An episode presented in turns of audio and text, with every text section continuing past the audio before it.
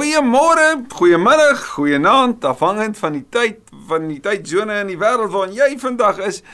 Ek wil net sê welkom. Welkom, welkom, welkom vir elkeen van julle wat indoor en wat deel is ook van die Kerksonnemure familie. En dalk is jy nie in Kerksonnemure nie. Dalk dalk is jy 'n ander geloofsfamilie, maar hierdie het 'n bron geword, 'n plek geword waar jy dalk ontmoetings het met die Here en met sy woord. En hoe dit ook al sê, baie baie dankie dat jy ook tyd maak en tyd kies om saam met ons te reis. Ons skop vanoggend 'n kort 2 weke reeks af. Dit is Adventtyd, die tyd van afwagting op die geboorte van die Messias. En daarom hoe anders kan ons dan nou nie as om die heel laaste boek van die Nuwe Testament, die boek ag van die Ou Testament, Maleagi, die 12de boek van die 12 klein profete ook in hierdie tyd te mag lees. En ons gaan dit so oor 2 weke doen. So DV vandag twee hoofstukke en dan volgende week die laaste twee hoofstukke en die vraag is wat sê die Here in die heel laaste fase voordat die Messias kom? Wat sê hy vir sy kinders? Wat moet hulle hoor?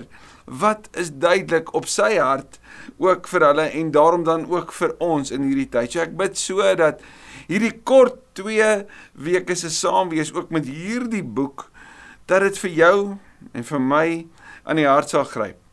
As jy dalk hierdie notas wil hê en jy's nie op ons verspreidingslys nie, ek stuur sommer van self wanneer ons weer 'n nuwe reeks begin of 'n nuwe boek aanpak, dan stuur ek die notas, maar as jy nie deel is hiervan nie, asseblief stuur net vir my e-pos en ons maak seker dat jy die nodige inligting kry want hier's verskriklik baie notas en as ons vandag na twee hoofstukke gaan kyk, dan moet jy verstaan, ons kan nie na alles verwys nie, maar dis lekker leesstof hierin vir jou en asseblief ook deel dit met ander.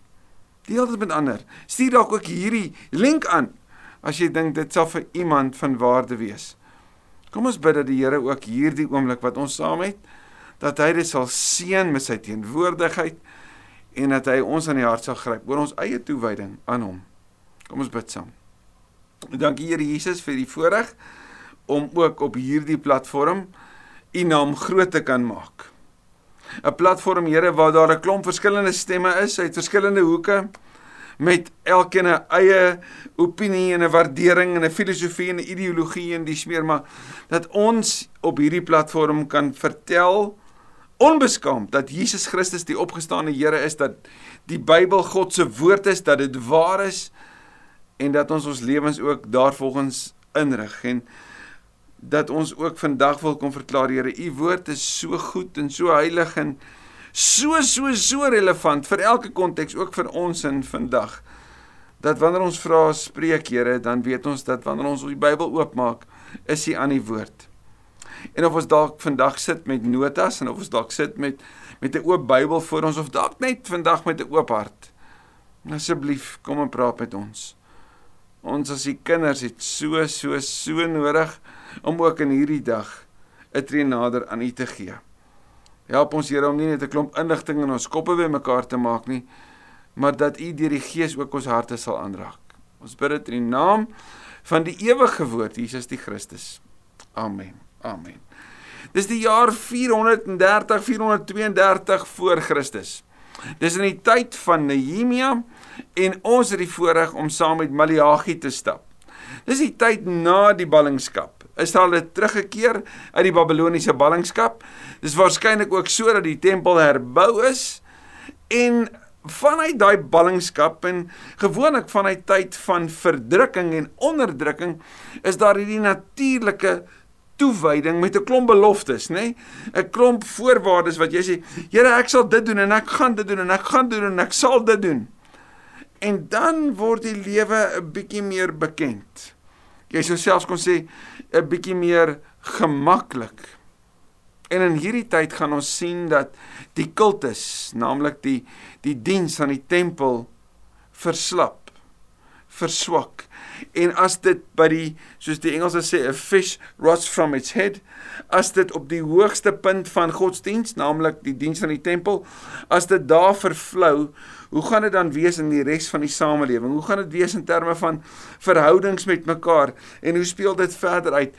Dis juis in so 'n wêreld wat Maleagi direk inkom en praat. Die woord Maleagi as jy hom in die Hebreë sou vertaal, beteken letterlik boodskapper. So die laaste boek in die Ou Testament praat oor God se boodskapper. Waarmee skop die Nuwe Testament af? Met die boodskapper wat voorstap om te kom vertel van die Messias wat kom. Wat is Maleagi se boodskap? Bekering. Wat is Johannes die Doper se boodskap? Bekering. Maar voordat ons alles vooruit hardloop, kom ons kop af. Maleagi 1. 'n Uitspraak van die Here, 'n woord van die Here aan Israel deur Maleagi. Belangrik die oorsprong hiervan, dit kom van God af. En deur wie? Deur sy boodskapper. En kyk net hierdie eerste woorde in hoofstuk 1 vers 2. Hoe God hiermee begin en as jy dit vergelyk met hoe die Nuwe Testament begin, is dit nie so dat dit alles altyd gaan oor God se liefde nie. Maleagi 2:1 vers 2 Ek het julle lief sê die Here. Dis die omvang van hierdie woorde wat ons so moet verbaas. God sê wat ook al hierna gaan gebeur is die bron van in die hart daarvan is wat God sê en God sê ek het julle lief. En wat sê 1 Johannes 4 vers 19? Ons het lief omdat God ons eerste lief gehad het. In die Nuwe Testament, en dit sou 400 plus jaar na hierdie skrywe wees, lees ons dat God die wêreld so lief gehad het dat hy gegee het. Nee, nie iets nie, nie 'n geskenk nie, homself, sy enigste seun, sodat die wat in hom glo nie verlore mag gaan nie, maar die lewe sal hê, die ewige lewe. Ek het julle lief sê die Here. En kyk nou net die die omgewing van die die mense vir wie Maleagi hierdie ook nou moet sê en dan ook dan natuurlik op skrif sou gestel word later. Maar op Maleagi sê die Here sê ek het julle lief, maar hulle antwoord en kyk die arrogansie van hierdie mense. Maar julle vra, hoe het U ons lief? Want sien hulle vraag is alles werk nie so lekker vir ons uit nie. Die lewe is nie heeltemal so gemaklik nie. Ek bedoel, hoe het U ons lief? Kom, sê nou vir ons. En dan praat God oor Esau. Esau was tog Jakob se broer sê die Here. En tog het ek vir Jakob liefgehad en vir Esau gehaat. Nou nou hierdie klink op die oog af onnatuurlik lees ons met die bril van die Nuwe Testament. So as jy Here maar maar hoe klink dit of u voortrek? Maar kom ons gaan kyk mooi na die optredes van 'n Jakob en 'n Esau. 'n Jakob wat later bekend sou staan as Israel en Esau se nageslag wat later bekend sou staan as Edom en hoe Edom teenoor Israel gestel word en en Edom sal uiteindelik die konstante vyande, die konstante stryders van Israel wees. Hy hulle sou aanhoudend dit moeilik gemaak het. Nie net konstant nie, maar deurlopend al die pad van so vroeg as Eksodus 17 af reg deur verby Dawid tot in die tyd van Maleagi. God kom sê Edom Esau is nie iemand na my hart nie. Kyk, Esau het sy geboortereg weggegee net om die liste van sy maag te bevredig. En so sou Edom konstant altyd teen Israel en natuurlik teen hulle verhouding met Jahwe met die Here inwerk. Hulle was Israel se vyande. Hulle het dit vir hulle moeilik gemaak. Hulle was in wese hulle teenstanders gewees. Daarom sal die Here sê, ek het 'n aversie in hulle. Ek het sy bergland 'n verlate plek gemaak, sy woongebied vir die woestynjakkalse gegee. Wat God hierin sê is, ek het julle lief, maar ek wil 'n voorbeeld vir julle gebruik.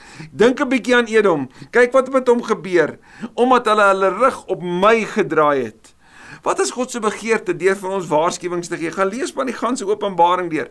Elke keer as God ons waarsku, is dit nie omdat hy sê ek wil julle straf nie, hy sê omdat hy wil hê ons moet tot bekering kom. Ons moet omdraai. Hy wil ons naby aan hom hê. As Edom sou sê, ons is verpletter, maar ons sal die pyn oop weer herbou, sal die Here die Almagtige sê, "Laat hulle maar bou. Ek sal weer afbreek." Hulle sal bekend staan as die goddelose land die volk op wie die Here se toorn vir altyd rus. Hierdie goddelose land as jy dit sou vertaal uit die Hebreëus praat van the border of wickedness. Die Here sê, hulle hart is nie by my nie. En as hulle gaan probeer om dit op hulle eie reg te kry, hulle gaan nie. En waarvoor gaan hulle bekend staan? Hulle sal die land wees waarvan die grensdrade boosheid is. The border of wickedness. Sien die Here kom sê op hierdie oomblik vir die lesers van Maleagi, vir die aanhoorders van die boodskap van Maleagi. Kyk wat het gebeur met Edom. En al hulle eie pogings sal nie werk nie. Julle sal dit met julle eie oë sien en julle sal sê die Here is groot ook buite die grense van Israel. Hoor wat sê die Here? Ek ek gaan werk en ek gaan binne in julle werk en wie gaan dit erken? Ook die mense buitekant. Want ek het julle lief. Ek wil julle seën en ek wil julle seën tot seën van ander. Maar die getuienis van my werk sal raak gesien word deur ander. Sien God is altyd aan die werk ook buite die grense van ons eie verstaansraamwerk. Bo Openbaring 21 eindig met God wat wat afkom en onder sy mense kom woon. Hy sal hulle God wees en hulle sal sy volke wees, meervoud. En kyk hoor mooi wanneer die Here nou met met hulle praat. Hy het begin met hierdie inleiding tussen Jakob en Esau. Jakob wat Israel geword het en Esau wat Edom geword het. En Edom wat die Here sê wat vervalle is. En Jakob wat hy wil seën sodat ander dit kan weet dat ander dit kan sien ook. Maar kyk mooi wat wanneer die Here nou met Jakob praat, met Jakob se nageslag, met Israel en in besonder met Juda. Hoor mooi hierdie hierdie hierdie klein deel, die suidryk waarvan dan net twee stamme oorgebly het. Die 10 dele van die noordryk het in elk geval klaar in ballingskap verval en is deur die Assiriërs ingeneem en dies meer. Maar hierdie twee stamme, Juda en Benjamin wat nou teruggekom het uit slawerny. Kyk wat sê die Here vir hulle oor wat met hulle aangaan. 'n Seun eers sy vader en 'n slaaf sy eienaar. Ons het dit in Efesiërs 6 mos gesien. As ek dan vader is en Lukas 15 praat ook in die metafoor van 'n vader en sy seuns. As ek dan vader is, waar is die eer wat my toekom? En as ek die Here is, soos Filippense 2 sê hy het 'n naam by elke naam en elke knie sal buig en elke tong sal bely, is die Here. As ek die Here is, waar is die eerbied vir my dan?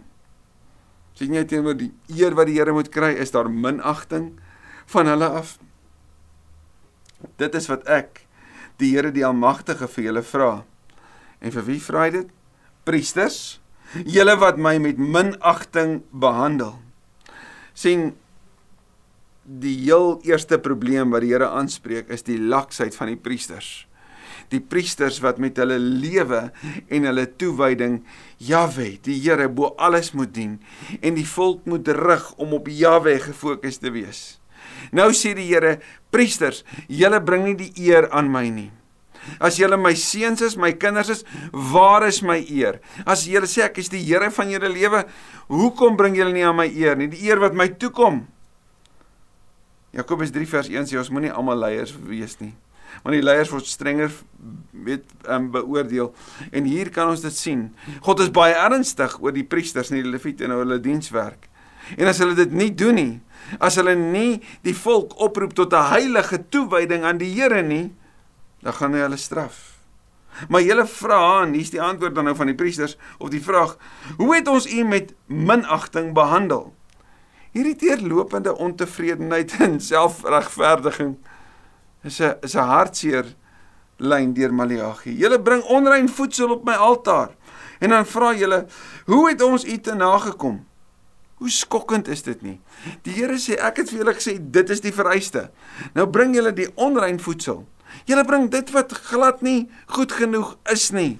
En dit wys iets van julle toewyding, nie waar nie? En julle verwag ek moet julle dan seën.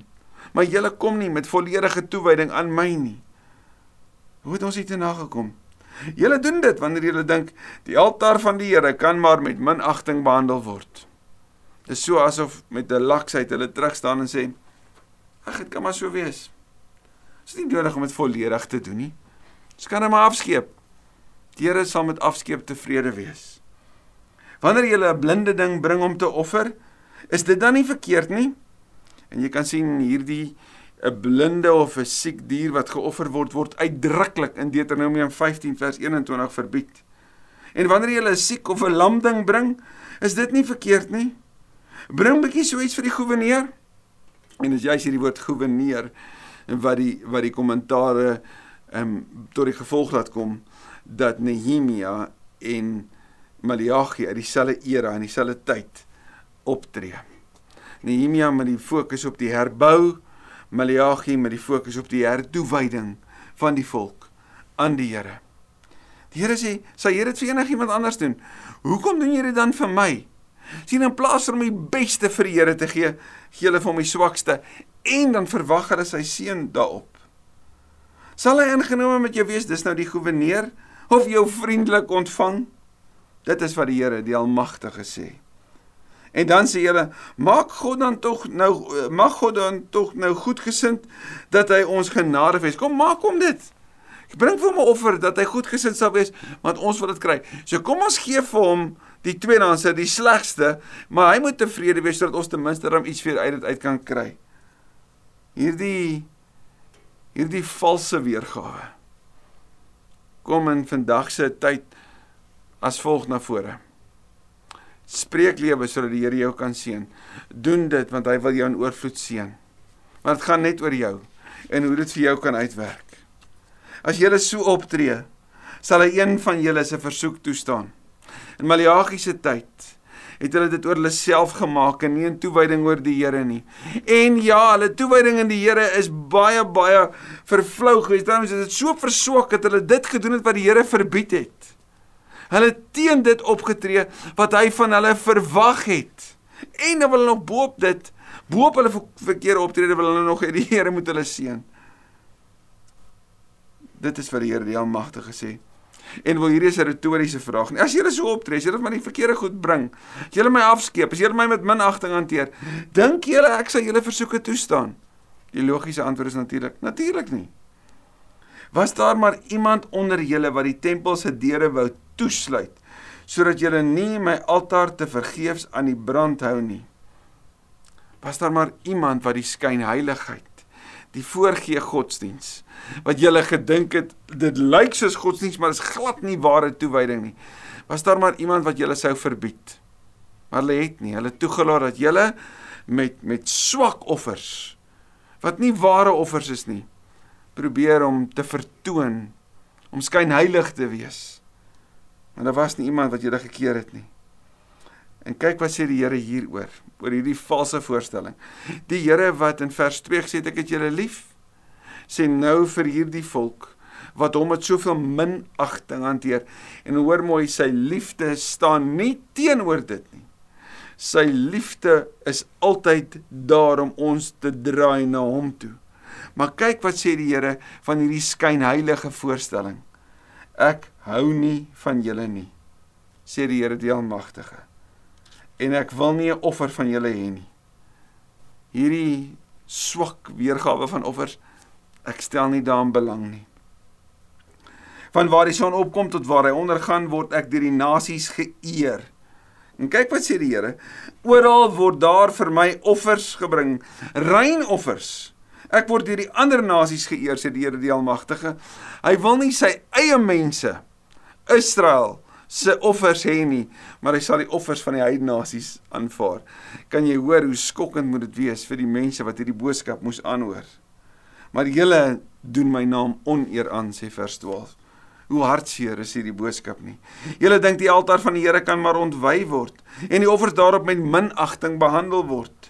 En dan sê julle nog dis 'n klomp moeite en julle trek nie neus daarvoor op. Hulle het so geestelik afgestomp geraak, so ver van Jahwe af beweeg dat hulle toewyding afgewater het. Dat dit selfs moeite vir hulle geword het. Hoe gemaksigtig was hulle nie. Dit is wat die Here die Almagtige sê.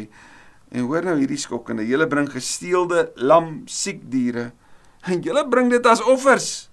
Moet ek ingenome wees daarmee dat julle my sulke goed bring? Vra die Here. Daar is 'n vloek op elke skelm wat 'n bul of 'n ram in sy kudde het en 'n gelofte doen en dan 'n verminkte ding aan die Here offer. En hierdie verminkte is waarskynlik dat dit nie 'n manlike bul met ander woorde was nie. Hoe is dit sê die Here as jy het wat jy het en jy moet dit gee en jy hou dit terug en jy gee vir my dit wat vermink is, dit wat ek nie van jou gevra het nie. As jy dit afwater Ek is die groot koning, sê die Here Almagtige. Vir my het die nasies ontsag. Dis asof die Here sê, besef dit. Ek is die groot koning. Kyk met wie jy te doen het. So die eerste fokus van Maleagi. Priesters, julle het nie reg gedoen nie. Julle het toegelaat dat mense aan die Here kom offer, nie vanuit 'n plek van toewyding nie, maar het 'n plek van minagting en afskeep. En wanneer hy hoofstuk 2 beweeg, dan gaan hy sê priesters, julle het nie net toegelaat dat hulle in hulle offers en hulle verhouding met my dit met minagting hanteer nie. Julle het veroorsaak dat hulle met minagting leef in hulle verhoudings by die huis in hulle huwelike. Kom ons lees vers 1 van hoofstuk 2.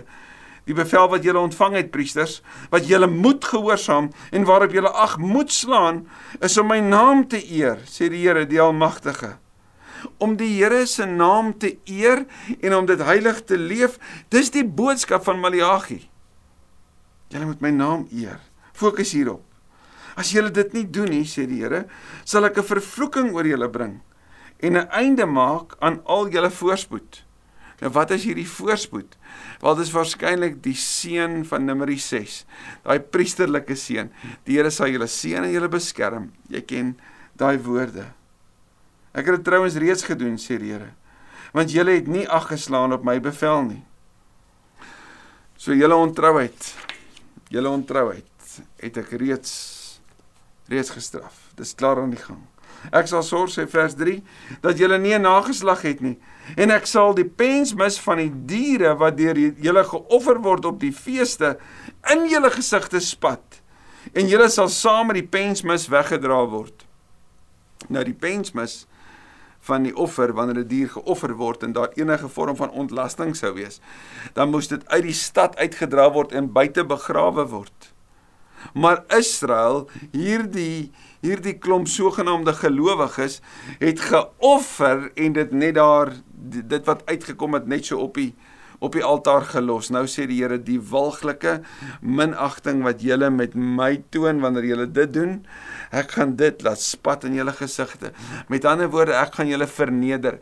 En nie net dit nie, ek gaan julle nageslag stop. Daar gaan nie 'n nageslag vir julle wees nie. So hierdie bediening van julle, hierdie walglike bediening van julle gaan stop. Dit gaan eintlik gaan nie voortgaan nie. Ek sal dit stop. En en kinders was 'n teken van seën geweest in die, in die tyd van die Bybel. Om nie kinders te kon hê nie om nie 'n nageslag kan hê nie was juist die teenoorgestelde vir hulle gewees. 'n verskriklike straf. Gaan lees gerus meer hieroor in Eksodus 29 en Levitikus 4 dan sal julle besef sê vers 4 dat ek vir julle die bevel gestuur het sodat julle my verbond met lewe kan bly bestaan sê die Here die almagtige sien die bedoeling van God wanneer hy straf aankondig is nie sodat hulle voortdurend gestraf bly nie maar sodat hulle tot inkeer kan kom en dat daar herstel kan wees. Dit is verbond dit is karat. My verbond met Lewi sou vir hom lewe en vrede bring. En dit het ek hom gegee. Hy het my eer my met eerbied gedien en vir my naam ontzag gehad. Dis wat God se bedoeling was. Dis wat hy van hulle verwag het maar hulle het dit nie gedoen nie Hy die volk my wil reg geleer en niks verdraai nie. Dit was wat God se bedoeling was. Leer hulle my wil vir al 'n tyd wat daar nie tekste was om na te verwys nie. Daar was nie eksemplare nie. Daar was nie 'n Bybel in elke huishouding nie. Hoe hartseer is dit nie dat een uit elke 5 Christen huishoudings die Bybel op 'n daaglikse wyse lees. So hierdie is net so relevant vir vandag.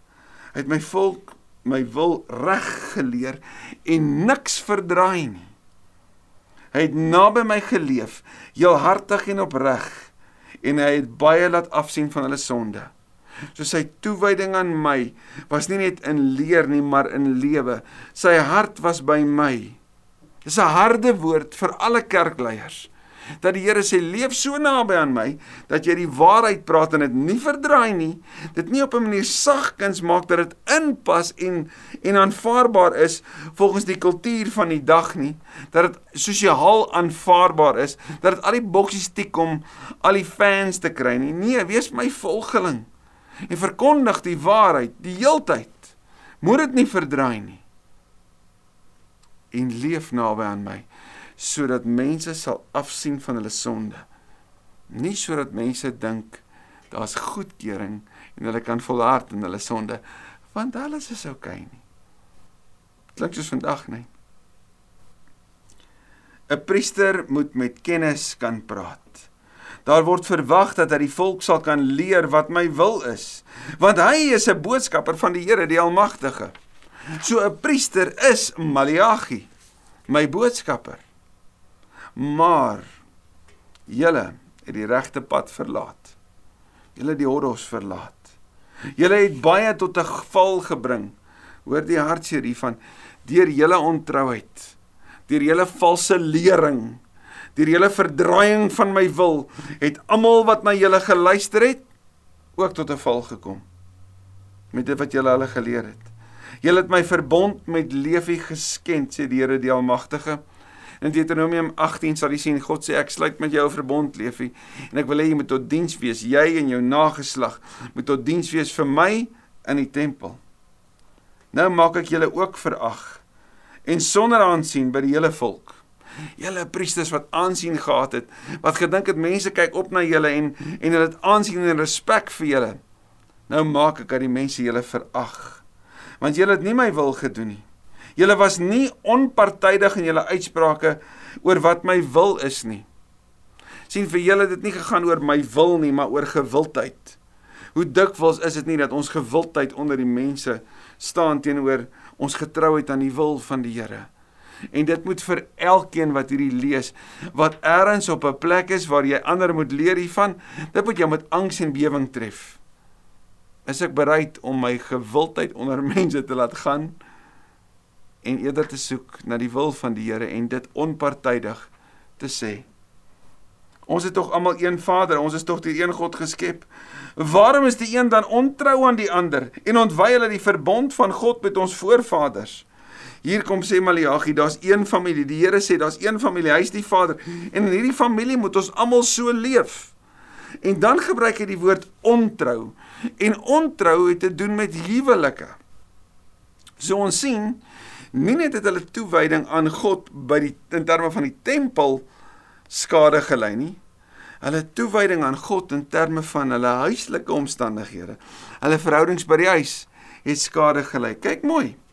Juda was ontrou. Daar is iets afskuweliks gedoen in Israel, in Jerusalem. Juda het die heiligdom van die Here ontwy. Die heiligdom waarvoor die Here lief is. Die manne van Juda het met vrouens getrou wat in diens van 'n ander god staan. So die volgende het waarskynlik gebeur. Hulle het teruggekom uit ballingskap. Hulle is terug in 'n in 'n nuwe konteks. Die tempel is gebou, maar daar was ander wat lankal reeds daar gevestig is. Gevestigde besighede, gevestigde industrie deur deur ander volke wat 'n ander god, 'n afgod dien. So wat is die maklikste manier om finansiële voordeel te bekom? Jy sien af van jou Joodse vrou, van jou vrou van Israel met wie jy vanaf jou kind kinderdae getroud is. Jy volg Moses se caveat wat sê as jy iets onbetaamliks in jou vrou vind, dan kan jy van haar skei. Ek wil hulle daai ding so verdraai dat as 'n man tuis sou kom en die kos dalk koud is, sou hy kon sê kos is koud, werk nie meer vir my nie. Ek gebruik hierdie as 'n rede ek hou nie meer van jou nie. Trouwens die woord sê ek haat jou. Ons is geskei. En dan ontneem hy hom van sy verantwoordelikhede om vir haar te sorg. Dis verskriklik en dit het gebeur in daai tyd. En so het dit gebeur dat dat die manne van Israel dit sou doen en van hulle vrou sou skei en dan sou hy 'n vrou van Moabitiese afkoms of dis meer een van die heidene nasies wat 'n afgod dien as vrou aanneem. En dan bly saam met haar as man en vrou en dan nog steeds tempel toe gaan en en dan 'n offer wil bring. Die Here sê dit het dit ontwy. Dit is sy tempel, sy heilige tempel waarvan hy so lief is. Het dit ontwy. Mag die Here elkeen wat nog iets te doen wil hê met 'n man wat so 'n vrou trou, uit die gemeenskap van Jakob uitroei. Ook al bring so 'n man nog offers vir die Here, die Almagtige. En die hartseer is, Here, die priesters het dit goedgekeur. Want natuurlik, wat was dit in dit vir hulle? En hoe hartseer, nê?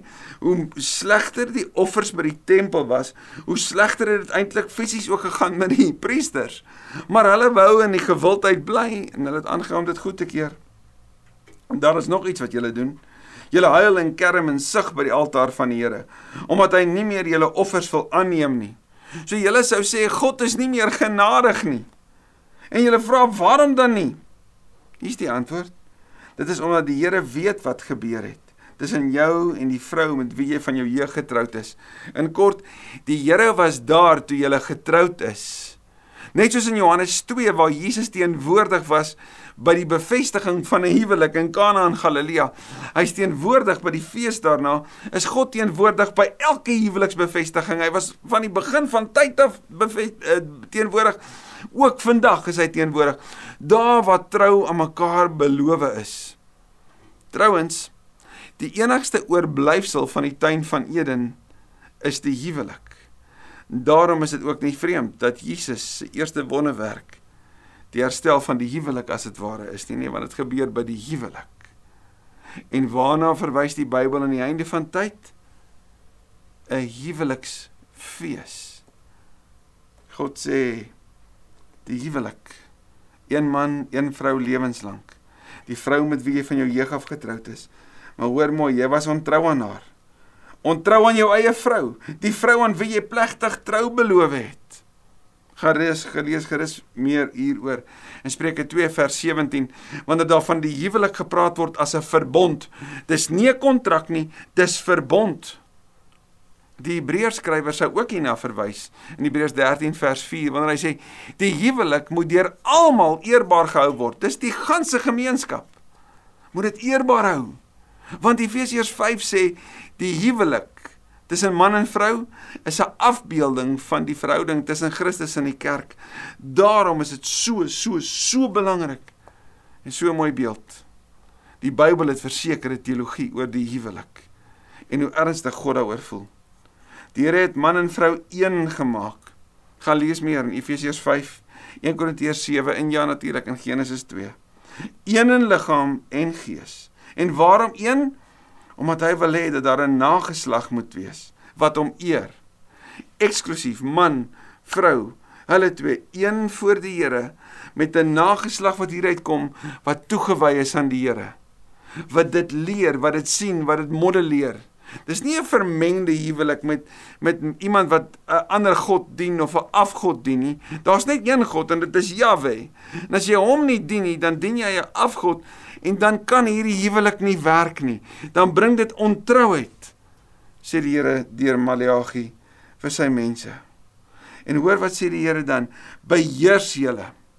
Gaan kyk gerus na Efesiërs 4 wanneer Paulus praat oor die vorige lewe wat wat hulle gedoen het net wat hulle voor lus was. En nou sê nee, jy het 'n nuwe lewe. Jy kan dit nie meer doen nie. En selfbeheersing is die vrug van die Gees. En hoor wat sê God hier?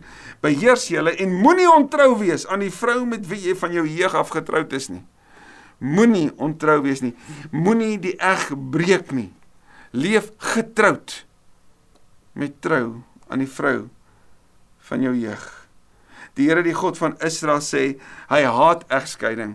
Nou sommige reken hierdie is woordspeling want wanneer die die die Joodse man vir sy vrou sou sê ek haat jou en dit gebruik as egskeiding sê die Here hierdie proses hy gebruik daai woorde. Hy haat dit. Maar julle ons moet diep dink oor dit want egskeiding verbreek verhoudings. Egskeiding sny af. En nee egskeiding is in sommige gevalle 'n goeie ding. Hoor mooi wanneer daar misbruik is, wanneer daar mishandeling is, dan dan dan is dit tog duidelik dat dit veilig is vir 'n persoon om liewer uit te stap. Maar in wese is egskeiding soos wat dit ook plaasgevind het in Maleagi se tyd 'n 'n walglike verbreeking van 'n belofte voor God. 'n verdraaiing en 'n misbruik van van 'n metode om uit iets uit te kom, vinnig uit te kom sodat ek kan doen wat vir my werk. Here sê hy haat dit. Egskeiding is niks anders as geweld nie, sê die Here die Almagtige. Beheers julle en moenie ontrou wees nie. Leef met ander woorde lojaal teenoor mekaar. En dan sluit hoofstuk 2 af. Julle het die Here moeg gemaak met wat julle gesê het. Wil moeg deur julle offers. Moeg deur hoe julle julle huwelike hanteer en moeg deur julle woorde. En dan vra julle nog, waarmee het ons hom moeg gemaak? En hoor net hierdie woorde. Julle het dit gedoen toe julle gesê het, vir die Here is almal wat verkeerd doen, goeie mense. Hy hou van hulle. Of toe julle gevra het, waar is die God wat reg moet laat geskied? So met ander woorde, julle sê almal is goeie mense, so God hou van almal. En dan vra julle, waar is die Here wat ons moet seën? Wat reg moet laat geskied? So die stelsel wat jy gebruik is om my uit dit uit te haal en om alles goed te keer en dan my te beskuldig om te sê hoekom is ek afwesig.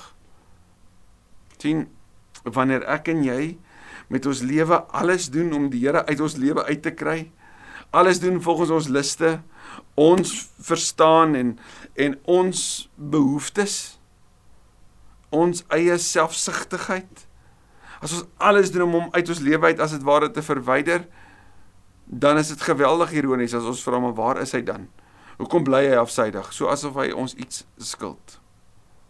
Maar as ons na hom toe draai, tot bekering kom, ons sonde bely, ons vra om ons skoon te was, opreg sê Here, maar ons wil U wil soek, dan hoor ons die Here sê maar ek het jou nog altyd liefgehad.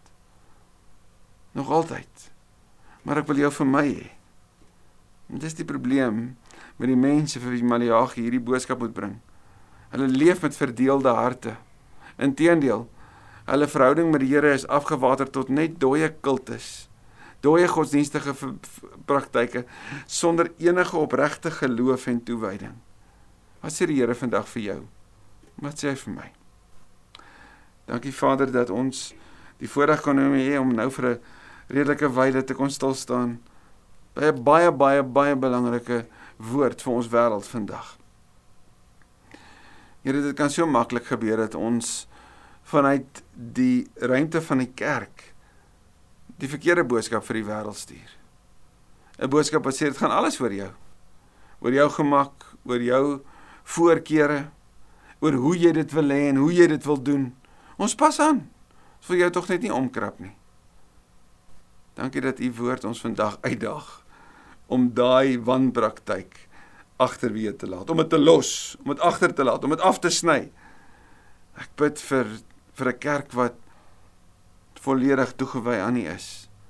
Volledig toegewy aan die ware boodskap en dit nie op 'n manier te verdraai sodat dit gewild klink nie, maar eerder altyd getrou sal wees aan U wil. Al maak dit ons ongewild dat ons getrou sal wees aan U. Dankie Here vir U woord en vir die genade van hierdie dag in Jesus se naam. Amen. Amen. Volgende week wat ons om verder